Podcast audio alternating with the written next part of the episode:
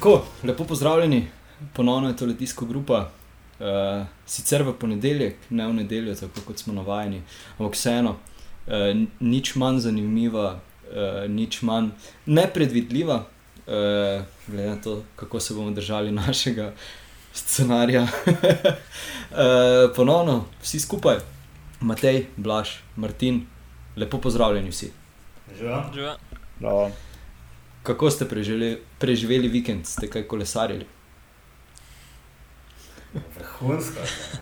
Ne, Matej, ti Lahko, povej. a lahko za začetek povem, ne, da, da pač olimpijske igre so potekale v senci uh, nočnega kriterija v okviru velike nagrade Kran, kjer je um, Blaž kot prvi član uh, disko grupe dosegel uh, zmago ne, na pomembni dirki trenerjev.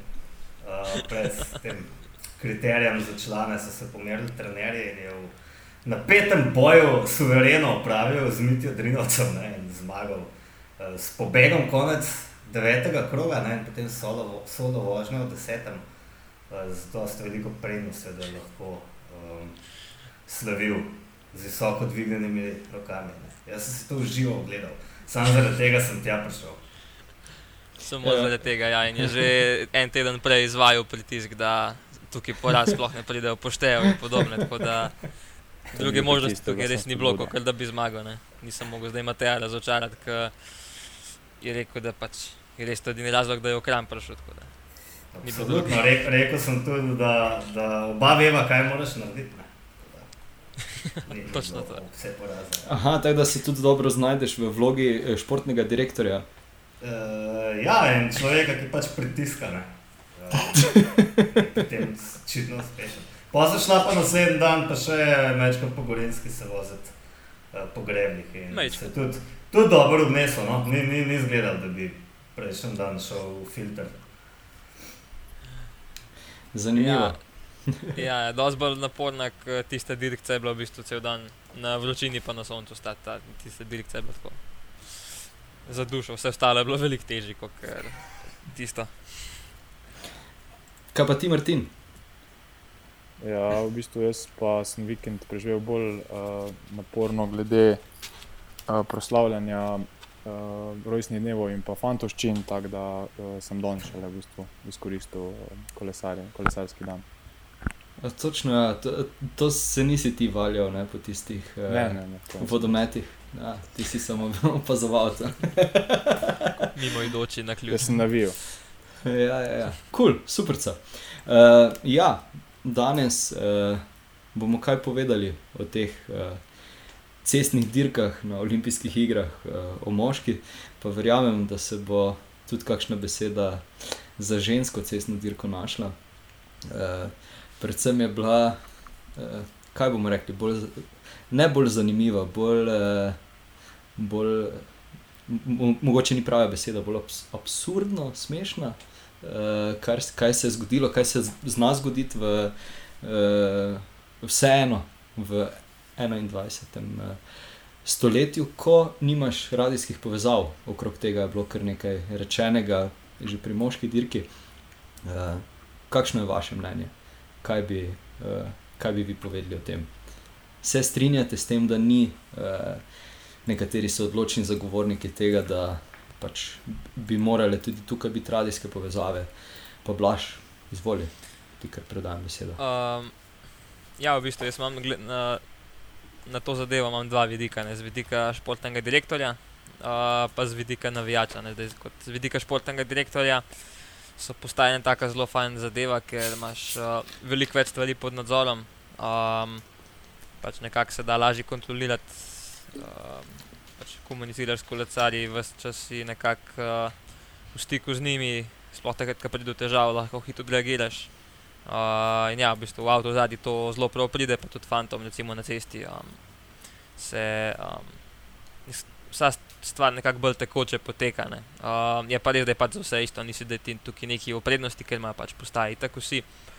Um, tako da, javno, z tega vidika je to kar fajn. Uh, zdaj pa uh, moram pa pogledati na tako stvar tudi z vidika navijača. ne. Um, ker uh, mislim, da potem, kar smo videli zdaj v dveh dneh, uh, kakšno po domač povedan štalo, lahko naredi to, da kolesarji ne vozijo postaje. V bistvu, um, se vprašaš, kaj bi pa bilo, če recimo tri tedne na turu uh, bi v bistvu kolesarji vsak dan vozili brez postaj uh, in uh, za koliko nekih takih um, senzacij oziroma nekih nepredvidljivih situacij smo v bistvu gledalci prekrajšani točno zaradi tega, ker v bistvu kolesarji uporabljajo postaje in uh, v bistvu samo športni direktori iz avta vlečejo karte in uh, del, kolesarji pa delajo to, kar jim oni reče. Da, um, ja, tukaj sem jaz nekako deljen, no. bo pa mogoče, uh, sta mogoče Matej ali pa Martin kakšno uh, utemeljila tole, pa se bom pa lažje odločil.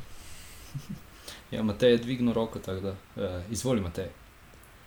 Meni se zdaj po svoje mečka nenavadno, kar oduzeti uh, radijske postaje, potem ko so jih enkrat že uvedli. Um, po drugi strani se mi zdi pa simpatično, da se kolesarje nekako prisili, da tudi medtem ko dirkajo, razmišljajo, se pogovarjajo med seboj, berejo dirko, razumejo. Um, in ja, na koncu lahko tudi to zelo zanimivo. Um, ne vem, en primer tega napada Remka je vedno povedal na moški dirki na olimpijskih igrah, se mi je zdel ta napad tak, da je najbolj športni direktor toliko po volanu v avtu, pa ni mogel, ni mogel sporočiti, da je Remko nekaj sredne, da skač. Um, in mogoče se tukaj tudi vidi, kdo je od majhnega uh, kolesarov, uh, od juniorjev, ko seveda ni radijskih postaj, kdo je pa začel dosti pozno in najbrž naredi več takih neumnosti. In, in jih še več naredi, če nima nekoga, ki bi mu poslušalko upil, kaj narediti. Um, ne vem, jaz si tako malo predstavljam, da nekaterim praktično vse rečejo v uho. Um, da sploh več ne mislijo, ampak samo še delajo svoje, samo še gonijo in to mi pa ni všeč. No. Ja, mogoče je bilo to tudi dobro vidno na ženski dirki, uh, kjer je pač želela uh, Annemiek van Vleuten uh, pač se premustiti v, vem, v tisto obežno skupino, ko je, ko v bistvu zaost, ko je peloton zaostajal 6 minut. Pač to je kljub temu, da je, da je mogoče pri v ženski konkurenci ta premoč še toliko bolj vidna, ampak vseeno teh šest minut nadoknaditi, uh, ker tako sama proti pelotonu. Uh, kaj, kaj pa vem, ker, uh, ker uh, kot bi temu rekel, uh, vehementno dejanje. No? Oziroma, pač super, da je verjela vase, ampak po mojem, da ni bila pravilno seznanjena, kar smo seveda kasneje tudi dobro videli, da ni bila. Matej, izvolite. Ja, ti zgo motorista sprašvala, kako imajo spredje fure, ki je povedal, je kar zgrozila se. Po mojem je takrat malo dol padlo, če ne bi strajala še naprej. Um, ne vem, kako, so, kako je organizator um, sporočal za ostanke. Navadi se voz na motorju nekdo v stabilco in lepo, kot v starih časih piše, skredo njej, s flomasterom, kakorkoli. Um, Očitno tega ni bilo, to ni bilo dovolj dobro organizirano, tega ne vem, ampak um, načeloma vsaj približno bi morali vedeti, uh, kakšen je zaostanek, s tem, da poleg tega je ona bila prej pri avtu, uh, ker je padla, ne? ona je po tistem padcu prišla do svojega spremljevalnega avtomobila, tam so se na veliko pogovarjali in predstavljam si, da bi športni direktor povedal, koliko ima zaostanka, preden je šla sola. Um, ne vem, ne razumem čez dobro tega. Ne. Ja, Blaž, kako si ti to razumel? Um, ja, v bistvu, kot imate rekel, ne, da je bilo mogoče tukaj z vidika organizacije malo napake. Um, to se v bistvu na olimpijskih igrah, pa na svetovnih prvenstvih, uh, kar pogosto dogaja, ne, da recimo uh, kolesari ne vejo, koliko imajo prednosti za ostanka, uh, oziroma tudi mi na televiziji v bistvu ne vidimo tiste grafike, ki smo jih navajeni na turu, ki vse čas v bistvu piše, koliko ima beg prednosti. Uh, Uh, to je v bistvu zato, ker um, je pač organizator druga, oziroma odvisno, kjer ga si zagotovijo. Ne? Ker uh, tisti organizatori, ki pač organizirajo Vojelto, Giro, Tour, so nekako, kako bi temu rekel, ulaufani. Uh, in to poteka malo bolj tekoče, brez zapletov, tukaj je pa malo drugače. Oziroma, mislim, da tudi veliki po Sloveniji, da je jih um, da je najeta ta le španska snemalna ekipa, ki snema tudi za Vuelto, če sem se prav spomnil. Uh, tako da je tudi pri nam to na srečo potekalo kar brez težav. Uh, ja, na olimpijskih igrah je pa to nekako že, kako bi rekel, stalnica, no, tudi z vidika gledalca, da do takih stvari prihaja. Um, ja, kar se pa tiče te drame z nizozemsko ekipo, tukaj je bila v bistvu vsa zadeva uh, kar malo čudna. Uh, in celik zato, ker, kot sem zasledil, Marijane Vos je vedela, da je spredi še ena kolesarka, medtem ko uh, Van Vloten naj ne bi vedela. Um, zdaj ne vem, ali so res. Uh, Pač, Zakaj je za nizo, nizozemkam lih to problem, da so vse dobre, pa vse so v različnih ekipah in da tudi mogoče med sabo malo konkurence vidijo, kako koli. Uh, in uh, pa do takih stvari lahko pride. Je pa vse skupaj zelo matersko izpadalo, take stvari ne vem. Pač se zgodijo pri mladinskih dirkah, recimo ne, na takem nivoju, pa tega ne vidiš lih vsak dan. Uh, tako da, ja, če pa vidiš, pa v bistvu še še bolj za nas gledalce, ne, kaj ne rečem. Uh, jaz sem se pa malo pozanimal o tej kolesarki, uh, ki je zmagala, štrika Kizenhofer, je rekel Matej, da naj bi se pravilno naglasilo. Uh, Ana, rečemo. Ana, no, no, komplicirano. Ja. Uh, in sem zelo, v bistvu, do zelo malo informacij sem v njej prišel. Um, Ker pa sem zasledil, je v bistvu, da se je ona na to dirko, kljub temu, da je v bistvu prišla sem kot amaterka, zelo strokovno pripravljena, kot vemo, da se je izpostavila že v zadnjih 24 urah, kar velik, da je, bila, da je ona matematičarka z doktoratom, če sem prav videl. Um, se je v bistvu za to ledilko zelo um, strokovno pripravila, zelo je študirala in uh, kar se tiče um, vremenskih razmer, vlage, temperature, to je imela naštudiran do potankosti. Tudi uh, imela je te velike bidone, samo pazo, ker ni jih uh, tipično za, uh, za tak nivo štiri tiste te velike bidone, kot so 750 ml, se mi zdi. Um, ja, no, tako da uh, je tudi uh, v bistvu zlil sem, da se ona je sama svoj trener, se pravi, nima nekega nadzora, ampak sama ve, kako mora trenirati, sama skrbi za prehrano, za opremo, kolo je sama kupila, vse ostalo. Tako da dejansko res to je ena tistih zgodb, ki uh, jih ne vidiš v teh časih, prodosta, ne, da v bistvu nek, en čist outsider, amater nabije najboljše kolesarke na svetu. Ja, to je nekako uh, nekaj tazga, kar si navijači želimo videti. Definitivno. Uh, zdaj, danes sem pogledal še enkrat in se pač na, na tistem, na tistem kaj, pa, kaj bi temu. Tistem malem klančku, ki je potekal že znotraj dirkališča, pač zgleda tako, kot da je Ana van der Bregen sicer videla, da je še ena kolesarka spredaj, ko je že tako bila stvar prepozna, ne bi je mogli uloviti, ampak je tudi v tistem trenutku odpadla, tako da mogoče ni mogla tudi ne povedati. Zgledalo pa je res tako, mislim. Če je nekdo vedel, pa ni dalje povedal, zgleda pač kot da so v otroškem vrtu, pa so se skregali, kaj pa vem, pri zajtrku zaradi kosa kruha, pa se potem niso dalje pogovarjali celo, celo dirko. Uh, um, Martin, izvoli. Ja, Matej pa blasta v bistvu vse glavne, ključne dejavnike, ki sem jih skozi zdirko videl. Spostavlja se pravi, prva je ekipni avto. Se pravi, glede na to, da je bila pri avtu, imela, bi mogla imeti neke informacije, kaj se dogaja spredaj. Bolj bral sem nekaj intervjujev, da so sicer štele punce, kolesarke, ki so jih ujele, ampak so se očitno uštele. Druga so ekipne eh, sotekmovalke, se pravi uh, Marijane Vos um, in pa Vanderbregnova. Tudi one dve, ja, rivalke ali ne, v ekipih so, so sicer v drugih ekipah, ampak na, na takšni dirki, kot je olimpijski, so olimpijske igre, mislim, da bi to mogli biti um, drugotnega pomena in da bi se mogli skupaj potruditi. In to, da greš v medije izjaviti po dirki, jaz sem vedela, da je nekdo spredaj, ni glih, ehm, recimo, dober PR, če lahko temu rečemo. Potem pa še ta stvar, ne se pravi, motoristi s tablami.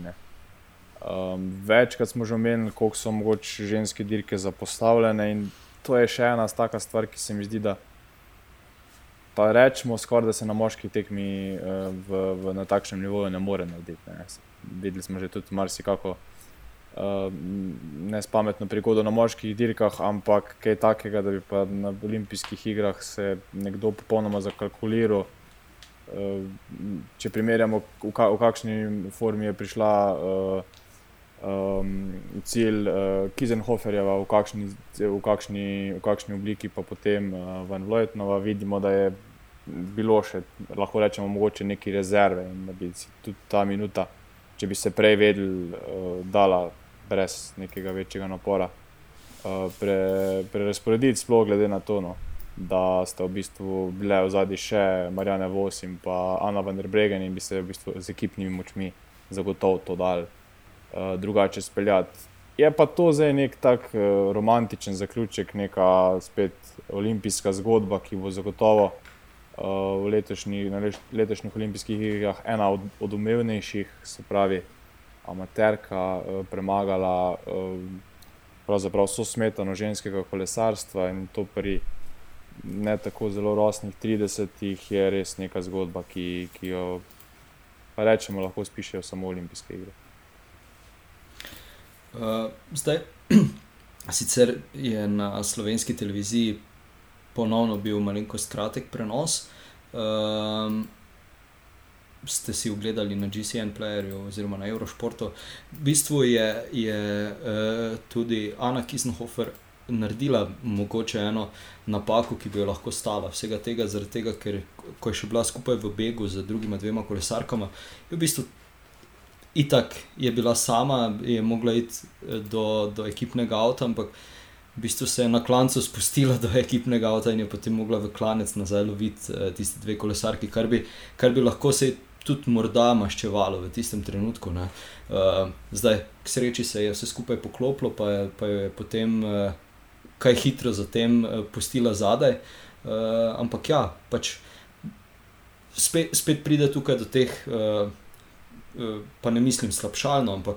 Do teh razlik med, med moškimi in ženskami, med njihovimi taktikami in pa seveda močjo, samo zaradi tega, ker pač če. Uh, se bi pri moških kaj takega zgodilo, menim, da bi, da bi zelo, zelo težko tisti nazaj ulovil beg, uh, če bi se spustil. Kaj, kaj pa vem, tam je postila več kot, na pamet govorim, več kot 100 metrov na klancu, drugi dve naprej. Tako da, ja, Matej, izvoli. Jaz ne vem, če se točno kaj. Ona je malo po tistem imenu skočila. Ne? Ja, ja, ja tako je. Ja.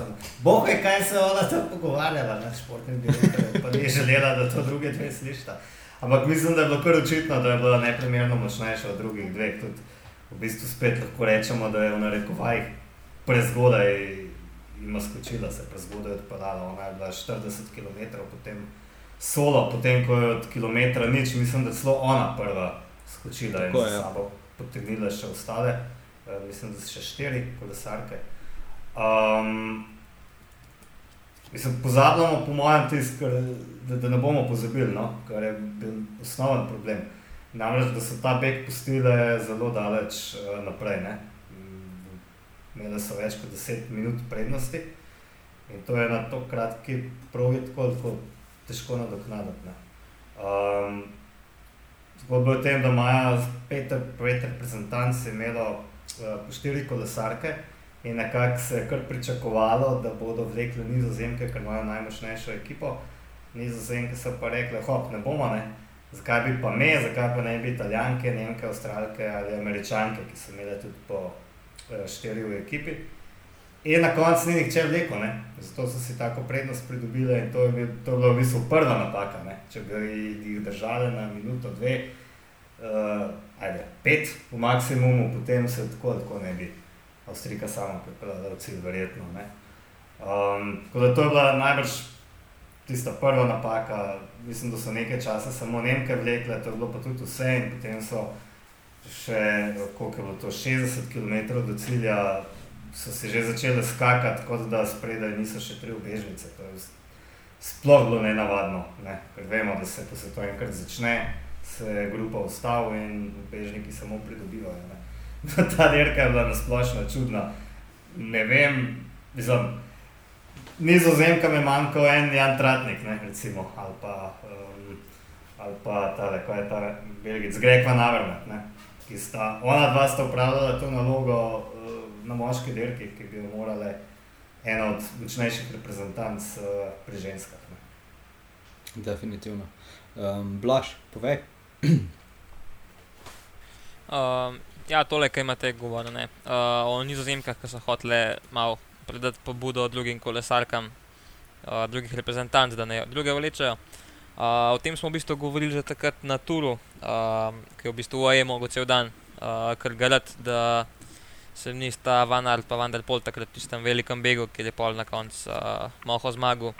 Uh, se niso preveč odpeljali. Uh, tudi tukaj bi recimo UAE lahko igral poker, pa v bistvu ne bi sploh vlekel, dokler ne bi začel vleči nekdo drug, oziroma dokler ne bi si mogoče Vanard uh, prevozil take prednosti, ki bi bila mogoče na koncu pol tudi uh, neulovljiva. Ne? Tako da to je ta v bistvu riziko, ki se ga v kolesarstvu lahko grešane. Uh, druga stvar, ki pa je bila tukaj mogoče težavna, je pa to, da um, reprezentanca oziroma kakršna koli ekipa uh, ne more biti zgrajena iz samih kapetanov.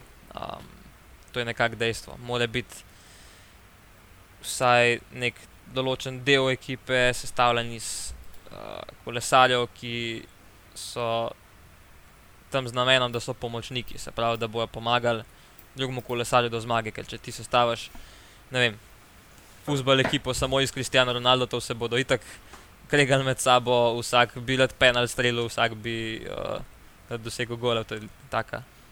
Uh, primerjava. No, če, pač ne, ne gre to na tak način. Zdaj podiraš teorijo Mateja. Ne, ne sorry, zdaj podiraš. Rad prekinu, ker se kar tresa. no, razloži, razloži. Recimo, da si ti selektor uh, nizozemski, uh, ali imajo selektor, so oni so se vse. Ja, kako pa bi eno od teh štirih pustil domov, mislim, ali pa tri, ne? in bi šel recimo na Mikro, na Svojt in uh, ostalim trem rekel, um, ki so letos zmagovali velike dirke, enač boste pa doma ostale, ker gremo na olimpijske igre samo z eno kapetanko. No, uh, ja, no, recimo to, ti, to, to sem hotel naslednjo stvar reči, da je pa pač paradoksa, ne, ker uh, pol, pač ne gre. Ker, ja, hočeš imeti v bistvu hkrati najboljšo ekipo, pa hkrati bi vsaka mal za svojo rit gledala. Oziroma, isto se dogaja tudi recimo pri kakšni članski reprezentanci, mislim, moški, uh, podobna zadeva, ne, ker so ker v bistvu preveč kapetanov, preveč uh, egotov in uh, noben se ne bi nobenemu podredil. Uh, ampak ja, v tem primeru je bilo to. Uh, mislim, da je tudi ena izmed težav nizozemske reprezentance. Jaz sem se bolj uh, navezoval na teorijo Mateja, kjer bi se stavil ekipo in ne vse z osmimi kapetani. ja, ja, no, lej, Marko, Marko Džalo je rekel, da bo predal idejo naprej, tako da bo, bomo videli, kaj bo leta 2022 eh, na Turo. Ali pa mogoče že zdaj na Uvelti bodo hitro eh, reagirali, eh, pa bodo rekli, yes, marginal gains. Pa, pa, ne, Martin, izvoli, povej.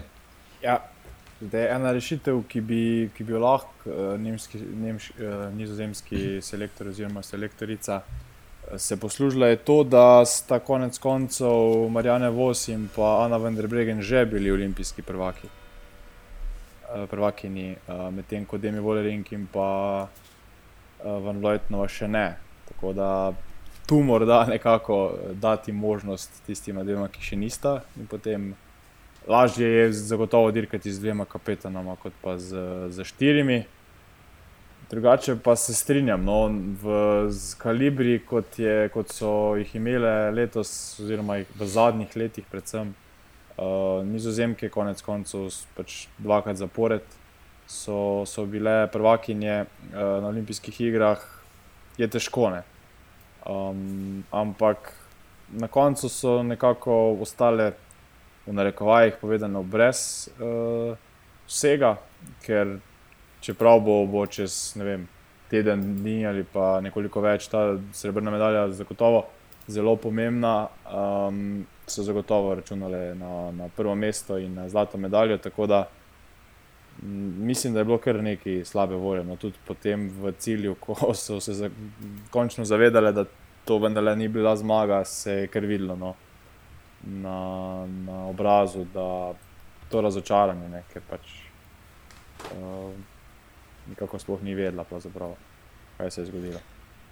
Ja, jaz sem želel reči, da glede na to, kako se je veselila Annemik von Vojten, ne bo pozabljena ta srebrna kolajna. Malenkost grda šale, ampak ja, Matej, povej. Znam, čisto prav je, ne? prav je, da so stale brez zlate medalje, ker pač ne, tako so nadirka, ne, smo zdaj videli, ja, kot je Blaž prej rekel, treba je prevzeti pobudo, ne pa gamblat. Olimpijske igre so bile ena, eno boste pač riskirali, um, boh pomaga. Um, kaj sem hotel reči? Se ne vem. Ma, mogoče tudi, da so tudi moški delke na olimpijskih igrah. ja, tudi moški so že en dan prej dirkali. Ki pa so dali pobudo, ne? oziroma pokazali pobudo. Pa. Dva sta pokazala ogromno pobudo. Ja, tam bi tudi slovenci, ne? mislim, nastavnici sta naša dva bila kao prva favorita. Tako je zanimivo, nerd. In tudi slovenci in belgijci bi lahko rekli, zakaj pa ne vlečejo španci ali pa, ali pa kdo drug. Ne? Enostavno Slovenci smo tu pokazali res neki karakter, uh, to delo, ki ga je v začetku etape, oziroma ne v začetku, no, večji del etape upravljal Jan Tratnik, je, je bilo res nekaj fenomenalnega, tudi celotni. Um, celotno, uh, celotni internet je bil poln hval na njegov račun, in uh, to je bila ena boljših predstav, no, njegovih in kadarkoli pomočnikov. No. Tako da res uh, vse čestitke javno, mislim, da, je, da, vse, da se tako tudi, kot tudi ostali naši, zavedajo, kaj je Jan s tistim uh, narekovanjem tempa oziroma držanjem bega ravno dovolj um, blizu. Pomagamo je, kot je že prej Matej omenil, olimpijski prvak. Aktualni olimpijski prvak, tako da to še ena stvar govori, kako so v belgijski ekipi pa imeli stvari, Eh, nekako dorečene. Uh, res je, da Banavermat ni v takšni formi, mogoče kot je bil takrat, pa razmere so bile nekoliko drugačne, trasa drugačna, ampak vseeno. Tudi Banavermat kot olimpijski prvak bi imel mogoče neko besedo, ampak enostavno se je podredil ekipi, oddelal svoj del in uh, to, to definitivno je manjkalo pri ženskah. In ne glede na razplet, da smo mogoče Slovenci dobili bron, nizozemke pa srebro, mislim, da smo mi veliko bolj zadovoljni s to medaljo kot pa kot pa nizozemke. Ja, to se definitivno strinjam. Matej, povej. Tukaj je bila še ta specifika, da je imela Slovenija v bistvu samo štiri člane v ekipi, ne, eh, ne pet. Um, tako da so dejansko oni eno četrtino ekipe praktično žrtvovali, ne, zato da so dirko nadzirali in tako naprej. Dobro, Tudi to je bilo pomoč Pogačarju, da je na koncu lahko bil tretji, ampak um, to pač pove, da so neko odgovornost prevzeli in um, da se je delalo, no? tisto, kar bi morale ženske ekipe ne? početi en dan kasneje. Um, ja, mis, ja. Pač dejstvo, dejstvo je, da bi pač moral vsak kolesar pri sebi vedeti kje so njegove meje. Uh, tudi Jan je v izjavi uh, kasneje po dirki to jasno povedal, kaj, kakšno nalogo je on prišel upravljati tja. Dejstvo je tudi, da, da, da če bi ciljal na zmago, pač vprašanje, kako bi se njemu to izpletlo, razpletlo. Po vsej verjetnosti ne njemu v prid. Um, tako da pač ja, res pa je, da je mogoče pač zdaj, če primerjamo z, to, z, z žensko ekipo, uh, um, kjer, so, kjer so bile pač štiri, uh, recimo, temu zvezde, uh, je to vseeno malenkost, malenkost. Uh, Težja naloga, da selektor oziroma selektorica v tem primeru porazdeli vloge in da se pač vsaka podredi. Um, kar pa sem želel še zdaj dalje povedati, pa je tudi meni odplavala misel, tako da bom blažil predal besedo, pa bom kasneje poskusil. Izvoli. Uh, ja, če je bilo v bistvu pr, um, na ženski dirki tako, da je v bistvu cel svet dirkal proti nizozemkam, je bilo pa na moški dirki tako, da je cel svet dirkal proti uh, belgicam in slovencem, vsaj uh, tako je bilo od zadnjega klan, začetka zadnjega klanca naprej, uh, nekako videti. Ne. V bistvu so vsi kolesari so gledali samo Pogačarja oziroma Van Elta. Uh, na, njim, na njima dvema je bilo, da bo sta v bistvu sledila oziroma pokrila vse napade, ostali bodo pač sledili zadaj in upali, za, da bo prišla grupca na koncu in da bodo lahko uh, bili nekje zraven v sprintu. Uh, in pač ne vem, mogel si bom še enkrat pogledati olimpijsko dirko, da pogledam, koliko skokov sta dejansko ona dva pokrila od za, začetka zadnjega klanca naprej. Pač tega je bilo, ne vem, več kot 20 skokov. Zihar in v bistvu ja, to je pa tisti uh, loto, ne.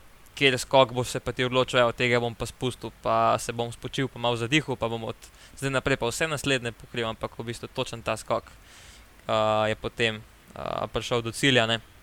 Um, zdaj ne, je bilo tukaj tudi pogačar uh, mal uh, bolj zadržan pri, pri tem napadu, ker je bil zraven uh, Brennan McNulty, če mogoče zato vse en večkam počakal, čeprav uh, mogoče bi lahko tukaj vedel, da je Karapas vse nekoliko močnejši. Uh, je pa dejstvo, da tukaj McNulty dirkal na, na drugo mesto, se pravi, on je. Um, tukaj bi bil s srebrno medaljo, on povsem zadovoljen, če bi le prišel do konca, da je na njegovo žalost ni. Um, tako da ja, v bistvu situacija vmes je bila že precej slaba, kazali zelo slabo. Um, in mislim, da tako kot se je na koncu izkazali, smo lahko Slovenci zelo zadovoljni. Um, ker um, ja, nekako tiste napovedi o dveh medaljih na cestni dirki. Um, to pač take stvari piše nekdo, ki ne ve, zakaj se gre. Ker, uh, na taki dirki, na taki ravni, uh, s tako mehkimi ekipami, taka stvar pač ni, ni realna. No. Um, tako da, ja, to so nekako um, to, kar je tedaj tukaj izvlekel, mislim, da je bil v tej situaciji maksimum. No. Nekako Rogličevi boljši formi bi se lahko uh, malo drugače končali, ampak. Uh, tem, kar je bilo, mislim, da smo lahko vsi zadovoljni, sploh pa tedaj, ka, uh, to, kar je pokazal po par, le parih dneh po turu, je pač neverjetno. Ja, dejstvo je, da je tam nekaj časa izgledalo, kot da je v težavah, ko ni mogel priključiti, ko je zadaj. Ko, ko je ostal zadaj, pa lovil pa vse, ampak ja, dejstvo je, da kljub, eh, kar preden smo začeli snemati, smo se pogovarjali o tem, eh, kljub temu, eh, če se je bil deležen strani Bavke Moleme, eh, je vse skupaj eh, super izpeljal. No? Eh, Blaž ti si uporabljal ene besede, kaj bi vse naredil. ampak ja, pač ti, tisto. Sej, ne moremo reči, da je bilo nešportno, ampak ja, dejstvo je, da ni, da ni izvoli. Ja. ja, v bistvu se ni Bavke tukaj delo neč prepovedanega, ampak uh, je bilo malo mutno, ne? to če ne vedete, da je navaren v sprintu in ga bo pač uvilo, kot se le da. Um, da, ja, no. Je pač ta del taktike, ni tukaj bilo neč prepovedanega, ampak ja, je bilo pa ne naš športno ali pa ne je vprašanje za koga drugega, ampak ja, no. um, na, na našo srečo se je, se je tedaj uprit uh, končal tole. Tako je. Um, Matej, izvoli. Ja, nimaš mikrofona vklopljenega, veš. se upravičujem, to če sem si špricar in sem ga ugasnil, bi fauš, da bi slišal, da ne hočkal. Um, pardon, kakorkoli, mislim, da je bila glavna težava v tem zaključku, se pravi, kaj je to, 50-40 km do cilja, um, Pogačareva in Vanertova težava to, da nisem imel vse še enega pomočnika, ki bi pokrival napade. Um, belgijska ekipa se je nekako iztrošila, veliko bolj zgodaj, kot bi si mislil. Eno je bil ta Evene Pulov napad, um, ki je bil res tako impotenten in ne vem, če mu je to služil. Če mu je služil. Um, mogoče bi šlo to, ne pudu skozi na kakšni dirki po Polski ali pa je ta zgolj na olimpijskih igrah. Pač On je takrat ustrelil en metek, ki ga je potem pogrešal, ko, ko, um, ko bi moral ostati zraven Vanerta. Um, Ten tižbenot mislim, da je kar dober eh, derkov, je pa Mauri van Sevenant, ne vem, je veliko, on en kilometr ali še manj, preden je odpadel in takrat je potem pogačar napadel, ne, tako je, ker je van Sevenant odvil, potem je sam pogačar rekel, mislim, da, da ne ve v bistvu, kaj je sploh delal tam. Jaz mislim, da je poskusil pač to, kar mu je uspelo v osmi etapi na Turu. Um, tokrat mu pač ni očitno, ni imel tako zelo dobrih nog kot takrat. Um, ampak pogreš, takrat je pa odpadel Roglič, od katerega sem se mogoče večkrat več pričakoval. Pravzaprav, ko je Pogačar skočil, sem jaz najprej imel občutek, da on dela za Rogliča, ne? ker je bil en tak neumno zgoden napad. Um, no, se je skazalo, da Roglič takrat ni mogel držati. In, um, Bog pomaga, tako je, ampak takrat so ostala sama in so morala zaradi tega pokrivati vse napade. Um, tam v zaključku mislim, da je predvsem Vanert, um, bo že na ravnini, on pokrival kar naprej, kar naprej. Um, Do pač tistega, kako je 500-metrskega klanca, kjer je tako raztegnil tisti preostanek grupce, da ko je s komovcem pomahal, um, je kdo je bil za njim goduje, samo skremžil se. Um, pač vsi so bili raztegnjeni tam čez cesto, noben mu ni mogel pomagati. Enostavno bi mogel takrat mogoče majčkam bolj pazljivo vanert potegan, zato da bi tistim za njim ostala nekaj energije, da bi mu pomagali v tem primeru, bi mogoče celo ujel spredaj. Um, tako pa ni šlo. Ne. Ker takrat so se približali na 15 sekund, ne. Vanert je že videl pred seboj Karapaza in Mahnatija, pa uh, vem, ostali so umrli, spet so se malo začeli gledati in je bilo konc. Ne. Ja, zdaj nisem si zapomnil, koliko točno je še bilo do cilja, takrat, ko je v tisti kompresiji uh, padel Jan Polanc. Uh, ampak tudi, tudi, tudi tisti padec uh, je potem ja, nekako, nekako poskrbel za to, da, uh, da pač ni, ni ostal zraven, no? uh, da je potem moral zadaj uh, loviti in potrošiti energijo. Je pa, je pa Primož imel očitno velike težave za krči. Uh, kot je sam povedal, um, po vsej verjetnosti zaradi tistega paca. Uh, tako da, ja, uh, tudi jaz sem imel občutek, da, da je tisti skok uh, TD-ja uh, bolj zato, da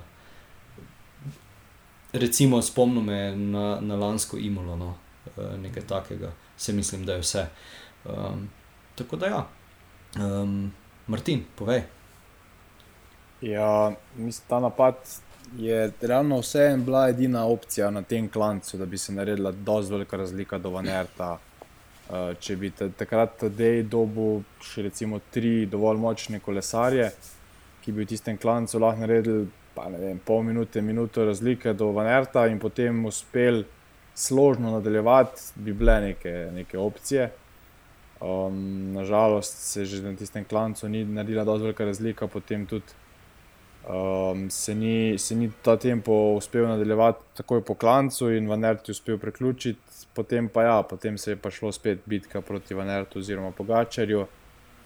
In um, eno stvar, ko sem te omenil, da bi, da bi takrat, ko so bliže 15 sekund do, do Karapaza in McNalty, takrat je bil edini Vanert, ki bi moral oziroma pokril to luknjo, ker spet tu, tu pa me je spomnil dejansko na lansko svetovno prvenstvo v Imoli.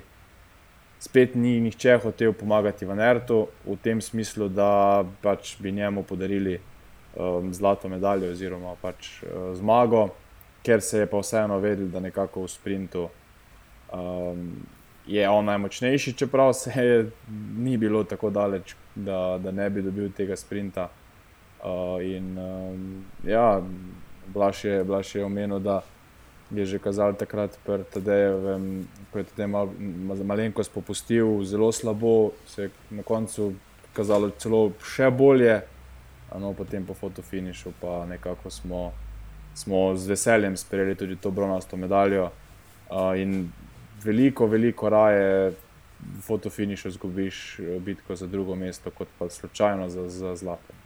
To takrat pa fotofiniš zagotovo boli predvsej bolj. Definitivno. Um, Blaž, izvoli. Jaz bi pa izpostavil še enega kolesarja, ki ga tukaj v bistvu um, do vrha tega zadnjega spona nisem pričakoval zraven. Uh, Ko sem pogledal, je bilo pa res, unak, kva pa ti tukaj delaš, da se pa ti tako na klan speleš. In to je bil Alberto Betiol, ki nekako um, v svojih karakteristikah ni lih hribolazec, je kolesar bolj za klasike, eno dirke, vse leto se je zmagal že na Džilo etapo. Ja, Matej bo najbrž en komentar imel zelo hiter. Uh, ampak ja, no, mene tukaj zelo preseneča in uh, me zanima, kako bi se to odvil, če bi um, prišel na konec do cilja. Nažalost, so ga tam tudi na spustu, oziroma mislim, da na koncu spusta je bilo, so ga krči izdelali in tam je v bistvu pol zgubo možnosti za medaljo. Um, tako da ja, ne vem, mogoče pa bo na svetovnem prvenstvu bomo lahko malo več videli od njega, uh, ki je nekako malo bolj njegov teren, tudi na takem terenu je že zmagal. Tako da ja, no, to sem hotel izpostaviti, da me je z tega vidika zelo presenetil.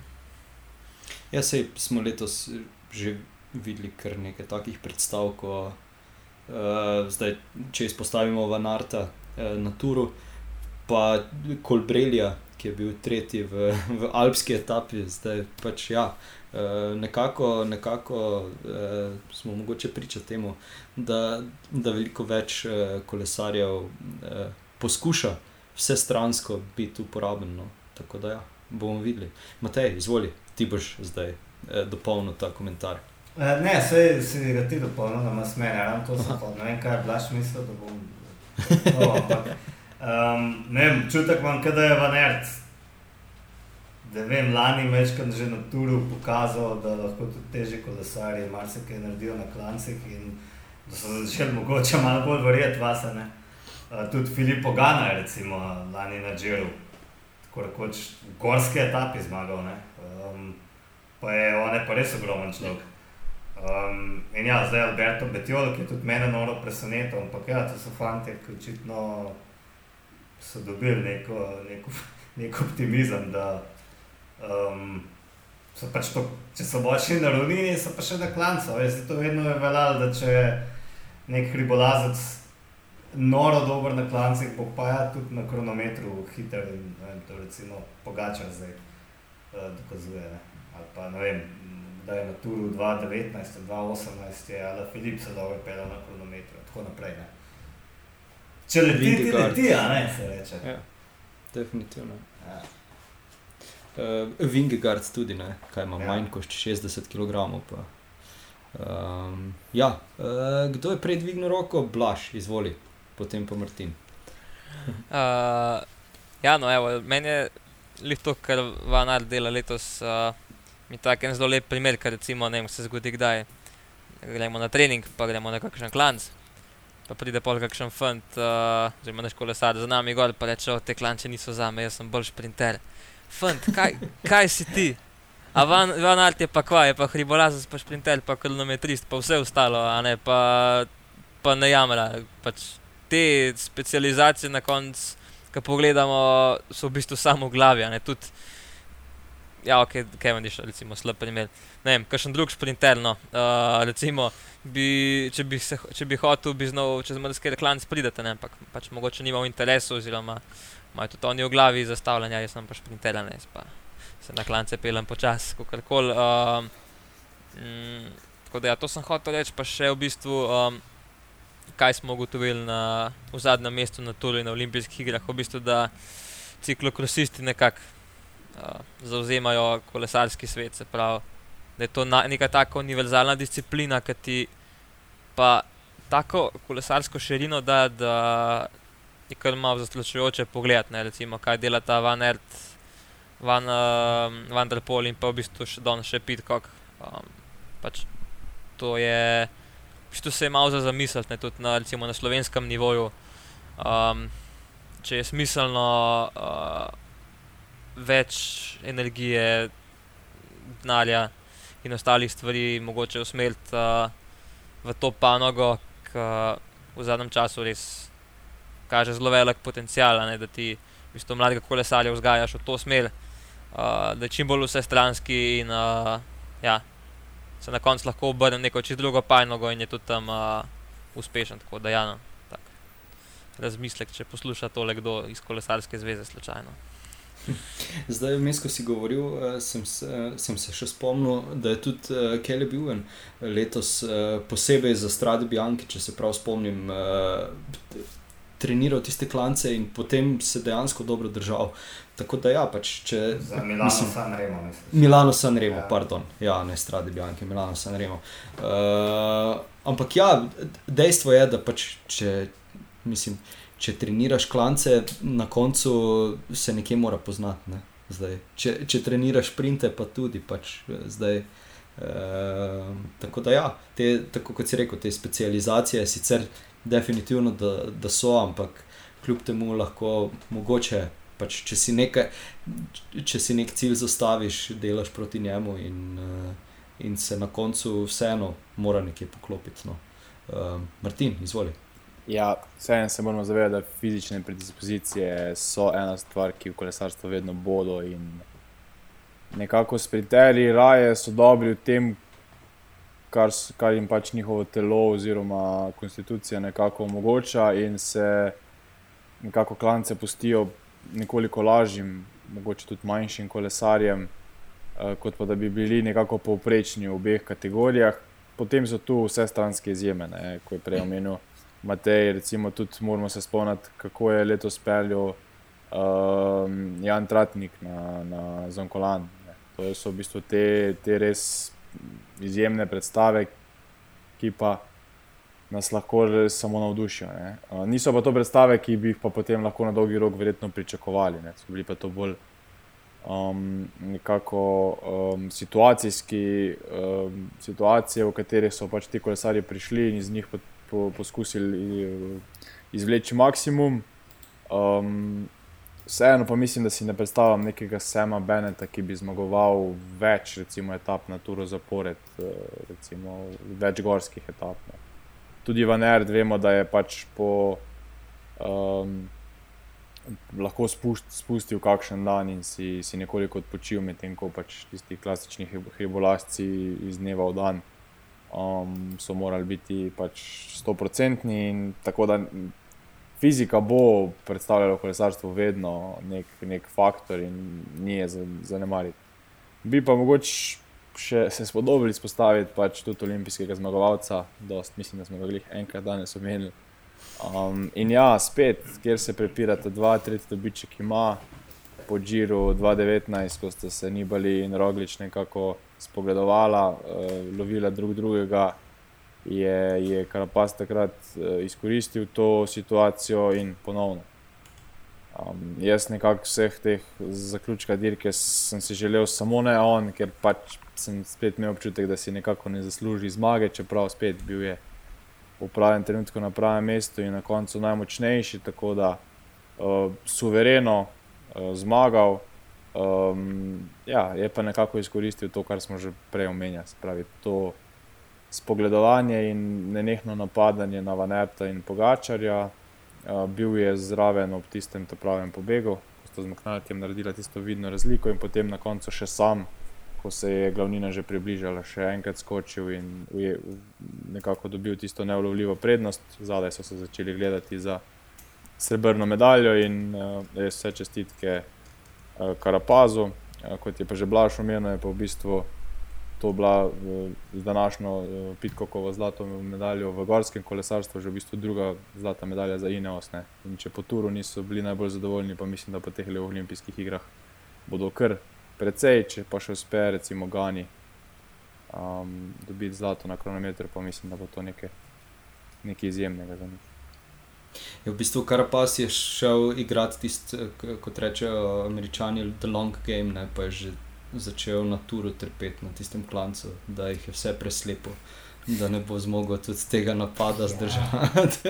Veliki blefer, Richard Karapas je bleferil že cel tur, ne, da je za noč.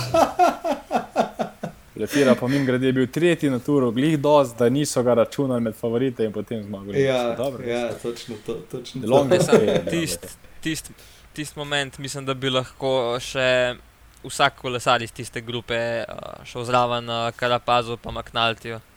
Uh, tudi Fugelsang, Šahman, Bavke, kdorkoli v bistvu bi se tam spomnil, bi lahko šel zraven. Ampak ja, kot smo rekli, v tistem momentu so vsi odločili, bojo raj počivali in uh, ja, se je končalo tako, kot se je. Uh, ja, kar se pa tiče specializacije, sam, uh, ki prej tem povedal, ja, seveda, specializacija vsekakor na, na profi nivoju je, a ne. Uh, bolj sem tukaj mislil to na te, na moje mulce, ki jim je ta specializacija nekako mal izgovor za pač, sem šprinter, ne rabim klancov voziti, ampak uh, konec koncev, ja, je treba zelo dolgo časa biti, trenirati vse, probati biti uh, dober v vsem, pol se pa v bistvu usmeriš, uh, kaj je tista tvoja močna stran. No, to, z moje strani. Ja. Jaz sem najboljši v pitju kave pa piva, t- ko grem kolesariti. tako. Se za to specializiram. Matej, izvoli. Dober, ja.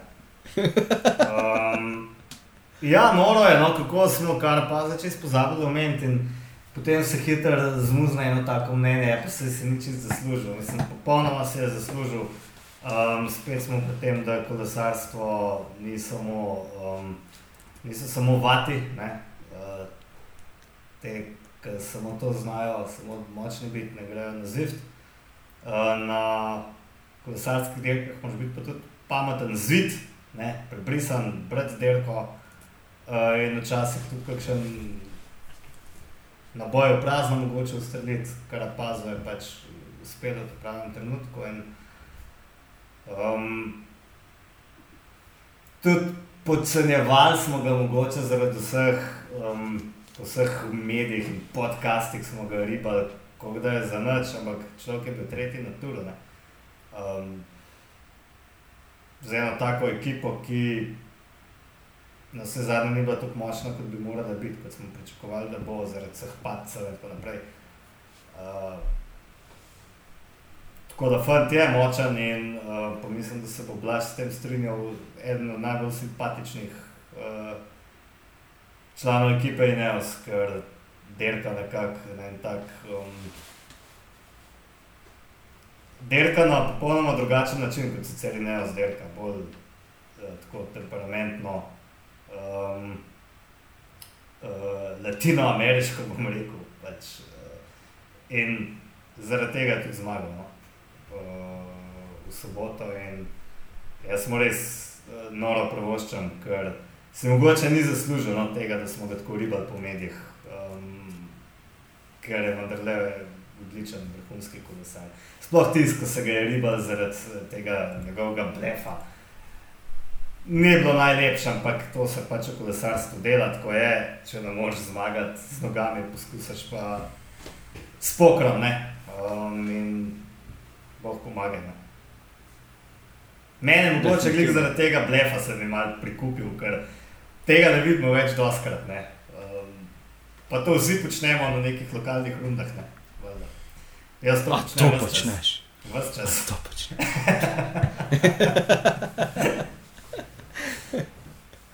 Blaž, povej.